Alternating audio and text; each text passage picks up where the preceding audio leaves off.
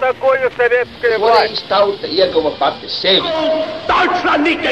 Liktenīgas nejaušības un slēptas likumsakarības, subjektīvas patiesības un objektīvi aizspriedumi.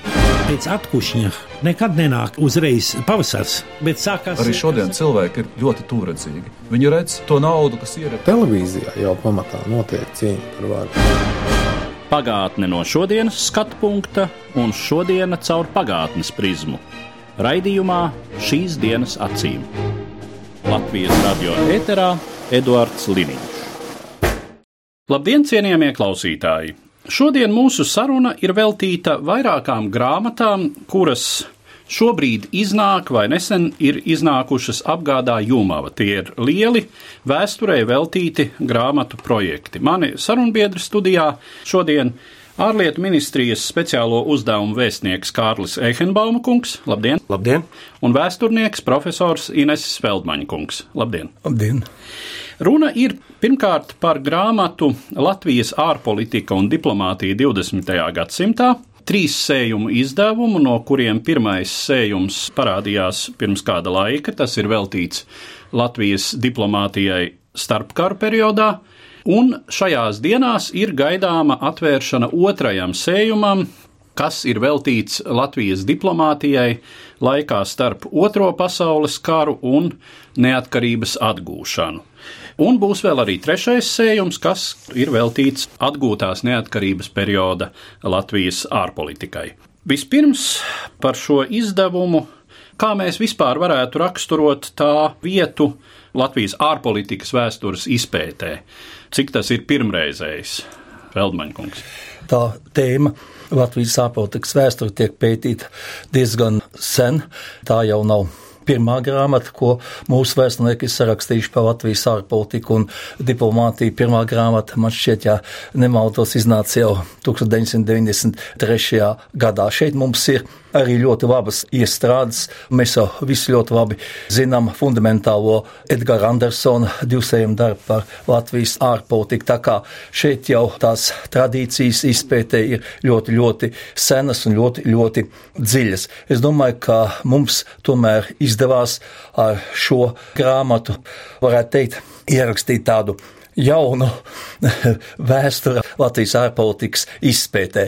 Šī grāmata jau ir sarakstīta uz ļoti plaša avotu bāzes, te ir izpētīti diezgan daudzu valstu arhīvi, ir izpētīta arī visa speciālā literatūra, historiografija ir pievērsta ļoti īpaša uzmanība, ir raksturots visas historiogrāfiskās skolas, kādas ir pastāvējušas šajā pētniecības virzienā, šajā pētniecības nozarē, uzsverot to, kas ir kopīgs varbūt šīm skolām, kas ir atšķirīgs ja, un ar ko šis atšķirīgais ir saistīts. Tāpat man liekas, ka ļoti liela uzmanība ir pievērsta tam, lai šī Latvijas diplomātija tiktu apvulkota uz ļoti plaša starptautisko notikumu fona Eiropā, uz Eiropas lielvalstu ārpolitikas fona, jo tas labāk ļauj parādīt šo Latvijas ārpolitikas pienesumu. Nu, mēs jau ļoti labi zinām, ka Latvija tomēr ir maza valsts, un mazai valstī jau ļoti grūti ir dot tādu lielu pienesumu ārpolitikā, un šajā ziņā var būt Latvija mēģināja daudz ko darīt, un katrā ziņā mēs vērtējam, ka pamatā šajā starpkara periodā Latvija tomēr ir starptautisko attiecību tāds subjekts, kas stingri aizstāv savas nacionālās intereses, savu galveno mēģi, cenšas panākt to, lai tiktu nodrošināt Latvijas valsts pastāvēšana. Nu, ļoti liela uzmanība šajā grāmatā arī ir pievērsta ģeopolitiskai situācijai, kādā vajadzēja Latvijas diplomātijai darboties. Nu, mēs zinām, ka šis ģeopolitiskais stāvoklis Latvijai un citām Baltijas valstīm ir ļoti, ļoti sarežģīts, nedrošs. Latvija un citas Baltijas valsts atrodas telpā, nu, ko mēs saucam par Baltiju, kur izsenis sadarās vairāku lielvalstu intereses arī starpkara periodā, kā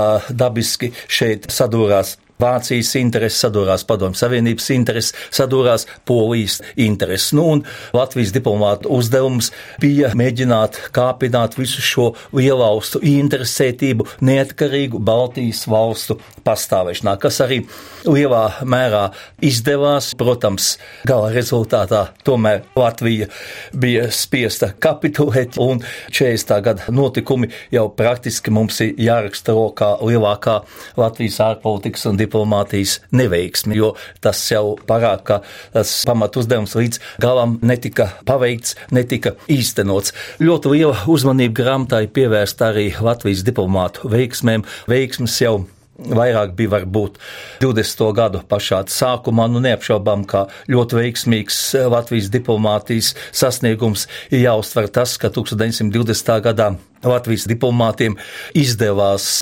noregulēt visas attiecības, izdevās panākt to, ka Latviju atzīst pamat lielvalsts šajā reģionā, atzīst toreiz Vācija un padomju Krieviju. Nu, izdevās ar šīm valstīm 20. gada jūlijā un 20. gada augustā noslēgt attiecīgos līgums, kas neapšaubām jāvērtē kā ļoti liels Latvijas diplomātijas panākums. Un Zifrīdānas Meirovics, pirmā Latvijas ārlietu ministra vadībā, izdodas nodrošināt Latvijas starptautisko atzīšanu. Šeit tas pamata datums ir 21. gada 26. janvārs. Ļoti liela uzmanība šajā grāmatā tiek pievērsta arī subjektīvam faktoram. Es domāju, ka tas arī zināmā mērā tāds jauns moments, lai parādītu, kāda nozīme bija atsevišķiem diplomātiem, diplomātiem personībām Latvijas ārpolitikas veidošanā. Neapšaubām, ka šeit galvenā vērība tiek pievērsta jau minētajam pirmajam Latvijas ārlietu ministram Zikvirdam Annai Mierovicam, kas tik tiešām bija ļoti izcils diplomāts. Viņa vadībā Latvija tiešām panāca daudz ko savas neatkarības nostiprināšanā. Un, protams, visus uzdevumus arī Mierovicam neizdevās atrisināt tajā laikā, kad Mierovics darbojās, neizdevās tomēr panākt drošības nostiprināšanu Baltijas reģionā, izveidojot Baltijas valstu savienību. Vai nu trīs Baltijas valsts vai četru vai piecu Baltijas valstu savienību šo uzdevumu īstenot tā īsti neizdevās. Tā arī jāuztver kā tāda zināma ārpolitikas neveiksme. Ehenbaum kungs, kāda šī izdevuma tapšanā ir ārlietu ministrijas loma? Latvijas ārlietu ministrija ir viens no grāmatas lietotājiem. Un es gribētu varbūt izmantot šo iespēju un pateikt paldies visiem tiem izdevējiem. Ne tikai pieminētajai Jumavai, bet arī, piemēram, Latvijas avīzes izdevniecībai un dažām citām, kas pievērš uzmanību vēstures grāmatām. Kādam varētu likties, ka vēstures jautājumi ir atrisināti. Ikdienas situācija parāda, tie nav atrisināti. Un vēsture joprojām ienāk mūsu ikdienā, ienāk mūsdienās. Viņi ienāk arī diplomātijā. Un man jāsaka, šeit ir paldies Feldmaņa kungam un arī Strangas kungam un Taurēn kungam un Zundas kungam kungam, kas arī ir šīs grāmatas autori, kas ir paveikuši šo lielo darbu, apkopojot trīs sējumos Latvijas ārpolitikas un diplomātijas vēsturi. Domāju, ka šis trīs sējumu izdevums tagad ir pirmais akadēmiski vispilnīgākais Latvijas ārpolitikas un Latvijas diplomātijas vēstures pārskats. Ļoti, ļoti vērtīgi manā uzskatā ir tieši šī historiografijas daļa. Nevienmēr historiografijai tiek pievērsta liela uzmanība, profesors jau arī minēja, tad ir apskatītas galvenās pamatskolas, kas viņam kopējs, kas viņam ir atšķirīgs. Un šeit ir salikti atsevišķos gadījumos kārtīgi punkti uz i, lai mēs redzētu vienu vai otru vēstures mīlētāju vai vēstures interesanta vai pētnieka vietu tieši aprakstot to, kas ir Latvijas ārpolitikā un diplomātijā noticis. Mēs esam tieši lietotāji tādēļ, ka nevar sekmīgi plānot vai domāt par to, kāds ceļš Latvijas ārpolitikā ir ejams, ja tu nezini tās pagātni, ja tu nezini vēsturiski piedzīvoto un izdzīvoto to. Un šīs grāmatas lieta nodara mums ikdienas darbos. Daudzi mīti tiek aprakstīti pa jaunam, un līdz ar to viņi arī parādās nedaudz citādā gaismā. Un vēsturiskās personības it īpaši tur ir svarīgas. Mēs parasti vēsturi personificējam, tas ir vieglāk uztverams, tas ir arī attraktīvāk bieži vien, bet par šīm vēsturiskām personām ir jāraksta patiesība, lai arī cik tas skarbi dažreiz nebūtu. Un ir prieks, ka akadēmiskos izdevumos pēc kāda zināma laika tas tiek arī izdarīts. Es neesmu vēl redzējis trešo sējumu, bet es tiešām ceru, ka autori, tas ir starp citu visgrūtākais. Es domāju, ka Latvijas ārpolitika pēc neatkarības atjaunošanas, lai to tagad aprakstītu, kad ir piegrūsts diezgan daudz ar memoāru literatūru mūsu veikali un arī mūsu mēdīju pasauli, ir ļoti svarīgi izvērtēt un pareizos akcentus atrast. Un es tiešām ar nepacietību gaidu tieši to trešo sējumu. Pirmais un otrais sējums, kur jau es esmu redzējis, ir unikāli arī ar to ilustratīvo materiālu, kas tur ir atlasīts. Ir daudz materiāli, kas līdz šim nav bijuši tādos solīdos akadēmiskos sējumos nodrukāti. Un es aicinu visus, kuri vēlas iepazīties padziļināt ar Latvijas ārpolitiku un Latvijas diplomātiju, pirms mūs vērtēt, arī iepazīties ar to ceļu, ko mēs esam nogājuši. Jūs jau pieskārāties mazliet šim jautājumam, bet uh, komentējot populāros priekšstatus par to, cik bieži jums nākas lietot vēstures pētījumus savā diplomātijas praksē, kā instrumentu, kā argumentu. Es nemelošu, tas burtiski gandrīz vai katru dienu. Man šodien bija tikšanās ar vienas lielas valsts pārstāvi, un mēs it kā runājam par mūsdienām, bet tajā pašā laikā ļoti bieži ir jārunā arī par vēsturi, par to, kas ir noticis. Mēs tagad tuvamies 8. un 9. maijam, atkal vēsture ir aktuāla. Un šāda veida literatūra, te tika pieminēts arī de jure. Tā ir Latvijas starptautiskās atzīšanas diena, 26. janvārs, ir kļūst pat tā kā diplomāta diena. Tas ir tas datums, kad mēs to sasaistam arī ar Latvijas valsts kontinentu kontinuitāti, turpināšanos lielā mērā. Un tieši tāpat arī pašreizējā ārpolitiskajā dienas kārtībā ir ļoti daudz jautājumu, kas nāk no pagātnes. Tas ir ne tikai īpašuma jautājumi, tie ir arī dažādas starptautiskās vienošanās. Ir pienākumi, kas mums ir jāpild, ir pienākumi, kas ir citiem jāpild pret mums. Ja tu nezini to iepriekšējo, tad tas nav praktiski iespējams. Es gribētu mazliet parunāt par otrā sējuma saturu, kas varētu šķist arī tādam populāram interesantam, pat mazliet paradoxāls varbūt, jo par kādu ārpolitiku mēs runājam laika posmā, kurā valsts de facto nepastāv. Tātad otrā sējuma saturs Latvijas ārpolitika laikā starp neatkarības zaudēšanu un tās atgūšanu. Otrajam sējumam ir arī apakšvirsrakstīns, tas ir Baltijas jautājums. Otrā sējumā tiek risināts Baltijas jautājums, kas jau izvirzās sākot ar Latvijas okupāciju 1940. gada vasarā, un tad šis Baltijas jautājums pārstāja tādā formā eksistēt tikai tad, kad Latvija šo neatkarību atgūst. Tas ir 1991. gadā, kaut gan atsevišķi autori uzskata, ka Latvijas un Krievijas attiecībās šis Baltijas jautājums it kā turpina pastāvēt arī tagad, arī mūsdienās un tā ir interpretācijas lieta. Tā kā šajā gadījumā te ir pievērsta galvenā uzmanība otrā sējumā Baltijas jautājumam, tam, kā šis Baltijas jautājums evolucionē dažādos laika posmos, otrā pasaules kara gados un pēc otrā pasaules kara. Mēs jau ļoti labi saprotam, ka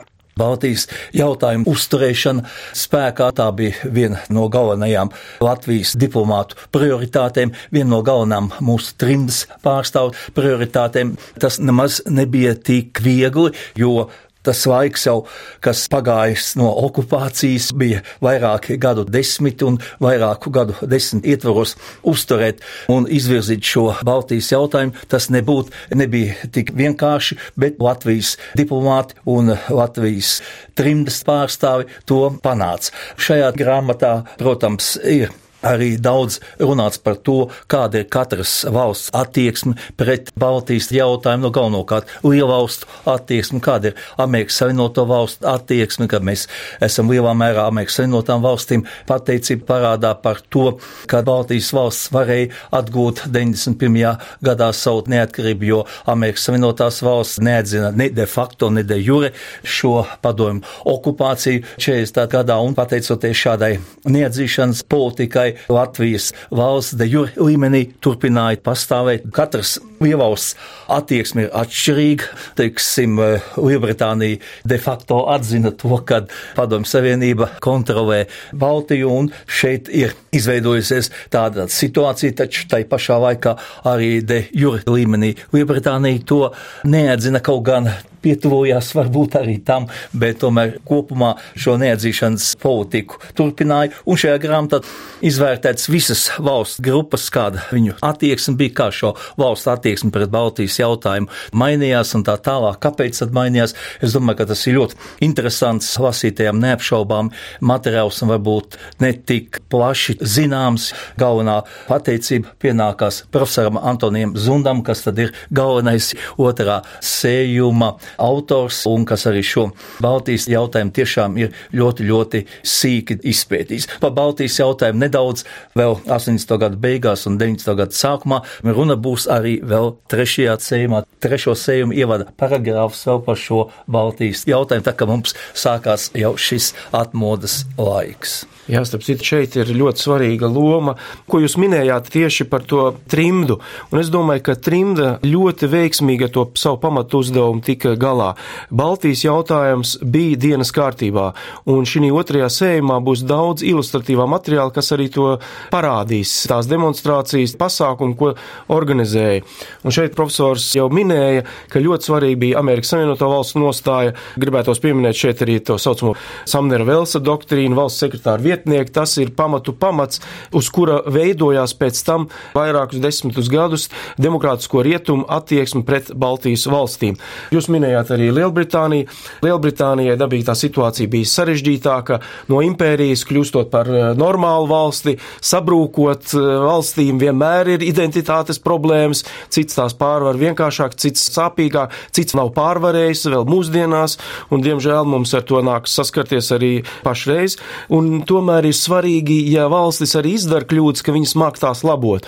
Un ja mēs pieminam Lielbritāniju, tad piemēram Latvijas zelta jautājumā Lielbritānija savu kļūdu, Leiboristu valdības pieļauto kļūdu, kad mūsu zelts, mūsu manta, mūsu īpašums tika atdots Padomju Savienībai, norakstīts praktiski viņai, tur ar Lendlīzu viss tas ir saistīts ar Otro pasaules karu, tas tomēr 90. gadu sākumā bez lielām diskusijām tika mums atdots. Mums dāja daudz grūtāk ar dažām citām valstīm un ar dažām citām valstīm tas bija ilgstošs sarunu un diplomātijas žonglēšanas savstarpējais cīniņš, varētu pat tā teikt. Es gribētu pateikt, ka ir vēl viens tāds spilgts apliecinājums, par ko latviešiem un arī citiem baltiešiem jālepojas, ka visus šos okupācijas gadus eksistēja Baltijas pārstāvniecības, eksistēja Baltijas vēstniecības, tās bija Vašingtonā, tās bija arī Londonā. Un man personīgi ir nācies sastapties ar cilvēku, tā kā Marijānu Zariņu, kas bija Kārļa Zariņa meita, kura visu savu mūžu nodzīvoja ar Latvijas diplomātsko pasi. Un neskatoties uz to, ka varbūt komforta vai citu apsvērumu dēļ cilvēks eh, savus principus nodot, tad bija cilvēki, kas to nedarīja, kas uzturēja Baltijas jautājumu, Latvijas valsts ideju dzīvu. Vienā nodaļā arī tiek risināti jautājumi par to, ka šajā laikā ir Latvijā uz vietas. Restīvi viena nodaļa ir veltīta arī Latvijas PSR ārlietu ministrijas propagandiskai darbībai, un es domāju, ka tas ar tā kopējā laikmeta kontekstā iekļaujās, jo tas arī parāda to, kāda tā vēsture mums tomēr bija. Eihenbaum kungs, vērtējot un vērojot Latvijas ārpolitikas vēstures gaitu, starpkara posma Latvijas ārpolitiku un šodienas mūsu ārpolitiku un diplomātu darbību. Kur jūs saskatāt galvenos pārmantojamības motīvus, varbūt paralēlis? Tas ir tāds ļoti interesants jautājums, un it īpaši man būtu ļoti grūti vēl to vērtēt, tādēļ, ka es esmu vēl aktīvajā ārlietu dienestā. Varbūt, ka es aiziešu pensijā, tad man būs drusciņš cits skatījums, bet pašlaik es gribētu uzsvērt to, ka varbūt mēs esam šādi un tādi ļoti kritiski paši pret sevi. Gan arī vērtējot, šeit profesors jau minēja, ka Latvijas ārpolitikā ir bijušas arī neveiksmes. Es kaut kā tās neveiksmes tā īpaši nesaskatu, jo man atklāti jāsaka, pat tās, ko mēs vērtējam kā neveiksmes, ir to apstākļu sakritība kārtība. Ir neveiksmes, teiksim, tīri cilvēcisks. Tā kā jebkuram cilvēkam dzīvē viens vēstnieks vai viens ministrs ir spējīgāks par otru, viens ir veiksmīgāks, viens mazāk veiksmīgs. Bet es domāju, ka Latvijas ārlietu dienas 90. gadu sākumā lielā mērā tika veidots uz tiem pamatprincipiem, kas bija pirms kara.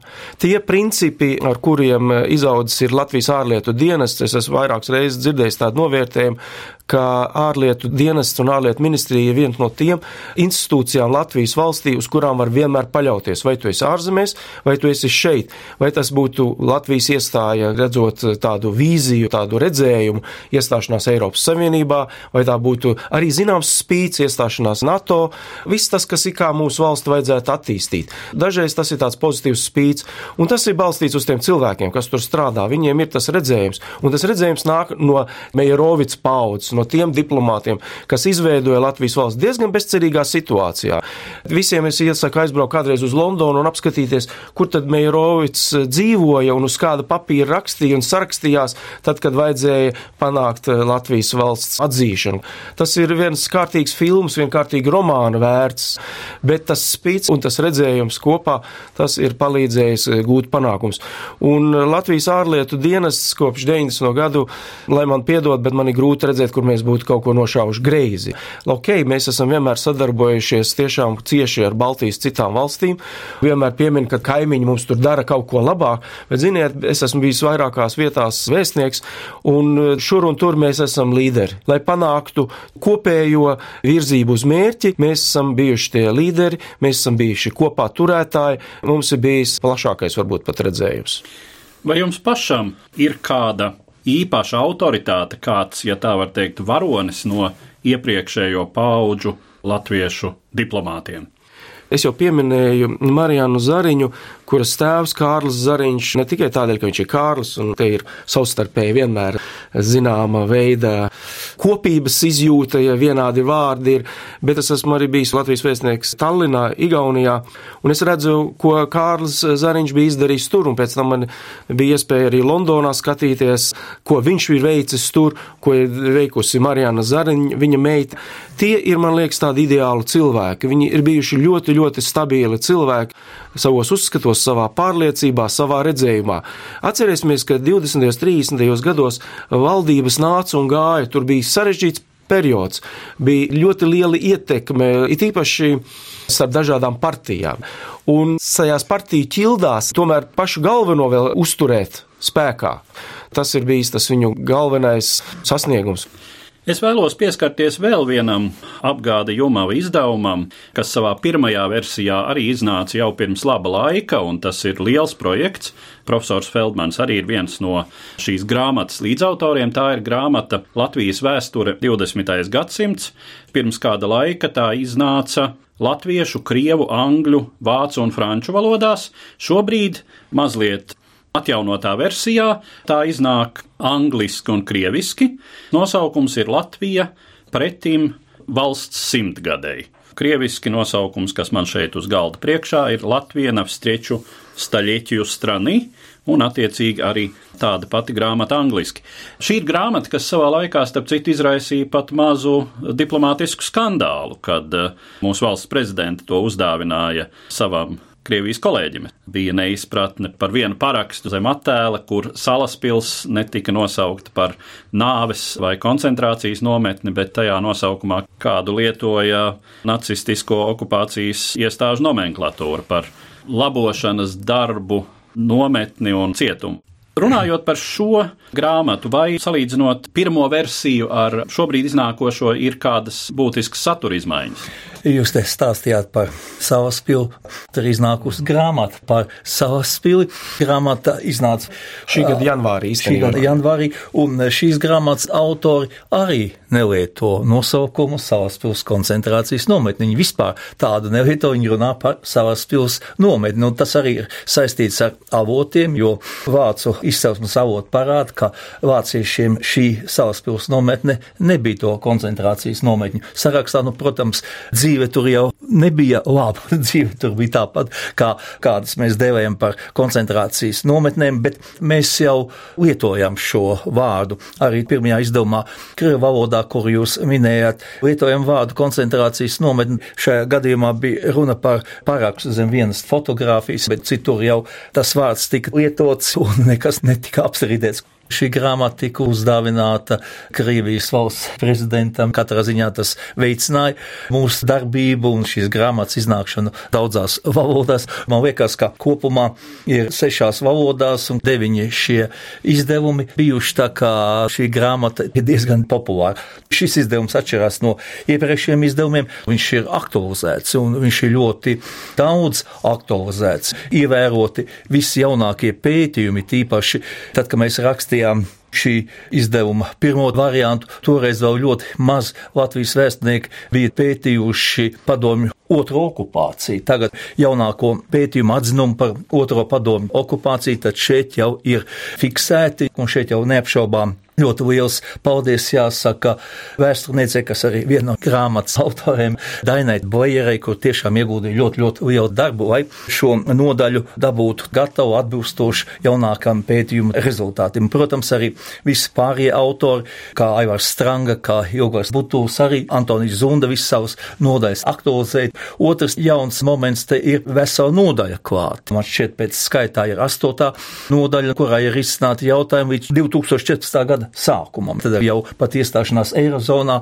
tā kā papildinājumi ir ļoti, ļoti būtiski. Man liekas, ka mēs to varam uztvert savā ziņā gandrīz kā jaunu izdevumu.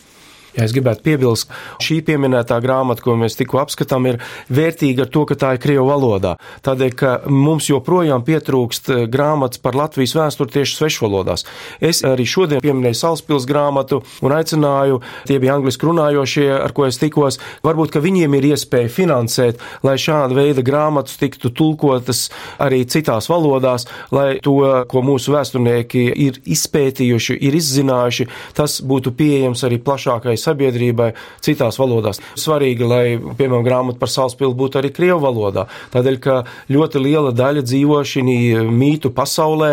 Es neticu, ka ar vienu grāmatu to varēs pārvarēt, bet, ja tu nedarīsi neko, tad nekas arī nenotiks. Ir jācīnās par katru atgrieztu dvēseli, par katru cilvēku, kurš ir iegūst vairāk zināšanas vai ir kaut kāds savus maldus pārvarējis. Un es gribētu teikt un aicināt, ja šāda iespēja man ir, tad izdevējiem domāt par ilustratīvu, bagātu grāmatu grāmatu izdošanu, redziet, grāmatā uzreiz viena bilde piesaistīja lielu uzmanību. Un tā ilustratīvajam materiālam ir ļoti, ļoti liela nozīme. Un dažreiz mums liekas, ka visi jau zina, kāda ir Latvijas robeža, kas ir Livonija, piemēram, vai kāda bija Latvijas robeža pirms kara. Tā īsti nav. Un šie grafiskie materiāli, šīs grafiskās ilustrācijas, tās palīdz saprast un aptvert. It īpaši tās dažādās svešvalodās jāveido. Tiem, kuriem ir iespējas, kas ir gatavi finansēt, es zinu, ka izdevniecības tikai būtu priecīgs, ja kāds iesaistītos. Un mēs būsim gatavi izskatīt iespējas tās iegādāties priekš mūsu ikdienas diplomātiskā darba, mūsu vēstniecībās, mūsu arī šeit centrālajā aparātā. Mēs jau esam nonākuši pie mūsu sarunas noslēguma, pie jautājuma par to, ko vispār nozīmē izdevējam nodarboties ar nopietnas vēstures literatūras izdošanu. Tas jau arī mūsu sarunā šeit parādās, ka tādu izdevēju nav ļoti daudz. Mēs droši vien bez Jumavas varam nosaukt Latvijas avīzes izdevniecību jau piesaukto zvaigzni ABC. Un, protams, Zinātņu akadēmijas izdevniecība. Zinātnē labi strādā, jā. Un tas laikam baidos, ka arī viss, ja neskaita specifiskākus, mums ir mākslas izdevniecības, kas nodarbojas ar mākslas vēsturi, bet vispārējā vēsture, sociālā, politiskā vēsture ir samērā nedaudz izdevēja ziņā. Kā jūs raksturotu savu līdzšinējo sadarbību ar izdevniecību Jumava un vispār to, ko viņi dara šajā vēstures literatūras izdošanas jomā? Nu, es varu teikt tikai to labāko gan par savu sadarbību ar izdevniecību Jumalu, gan arī to labāko par to, ko viņi dara. Viņi tiešām izdod eh, daudzas vēstures grāmatas, varbūt viņi zināmā mērā riskē, bet es domāju, ka tas risks attaisnojas, jo tas grāmatas tomēr Latvijas sabiedrībai ir vajadzīgas, un šīs grāmatas ir vajadzīgas dažādās valodās. Vismaz Latvijas sabiedrībai jābūt divām valodām. Šeit jābūt latviešu un jābūt arī krievu valodā. Tas jau droši vien ir izdevniecības vadītāja Visotska kunga galvenais nopelns, ka viņš tik aktīvi šīs vēstures grāmatas izdod. Viņš ir slaveno Normana Deivisa darbu izdevis Eiropas vēsturi. Kādreiz bija ļoti laba tāda grāmata, Henrija Kissingera grāmata diplomātija, ko arī latviešu valodā izdeva Jumo, tad Jumo šeit tik tiešām tiešām ir ieguldījis ļoti, ļoti lielu un svētīgu un auglīgu darbu. Neviens jau par mums grāmatas nedz rakstīts, nedz arī tās izdos. Es domāju, ka Latvijas izdevējiem šeit visiem piesauktajiem Tā ir gan izvēle viņu misijai būtu bijis jābūt izdot šīs grāmatas. Viena lieta, ka Deivis uzraksta grāmatu par Eiropas vēsturi, cik daudz tur ir Latvija minēta. Nu, būsim godīgi. Latvija, man liekas, ir pusotru reizi minēta. Nav pilnas divas reizes. Līdz ar to tā ir tā mūsu vieta, kaut grāmata ir ļoti, ļoti bieza. Un ja mūsu izdevniecības, neskatoties ne uz ko uz grūtajiem laikiem vai kādiem citiem apsvērumiem, to nedarīs, tad par mums arī neviens neuzzinās. Mēs paši par sevi neuzzināsim. Mēs paliksim kaut kādā zināmā ikdienas ikdienas līmenī. Kultūrālai tautai, dziļas kultūras tautai, kāda ir latviešu tauta, šeit iedzīvotāji Latvijā, ir ļoti, ļoti svarīgi, lai ir pētījumi par mums, par mūsu zemi, par mūsu tautu, un lai šie pētījumi arī tiktu izdoti. Ar tādiem secinājumiem tad es arī noslēdzu mūsu šodienas sarunu, kas bija veltīta vairākiem nozīmīgiem izdevumiem, kas ir iznākuši un iznāk šajā gadījumā izdevniecībā Jumava, un es saku paldies maniem sarunbiedriem, vēsturniekam, profesoram Inesim Feldmanim un diplomātam Latvijas Republikas ārlietu ministrijas speciālo uzdevumu vēstniekam Kārlim Ehenbaum kungam. Par pagātni sarunājas Eduards Līniju.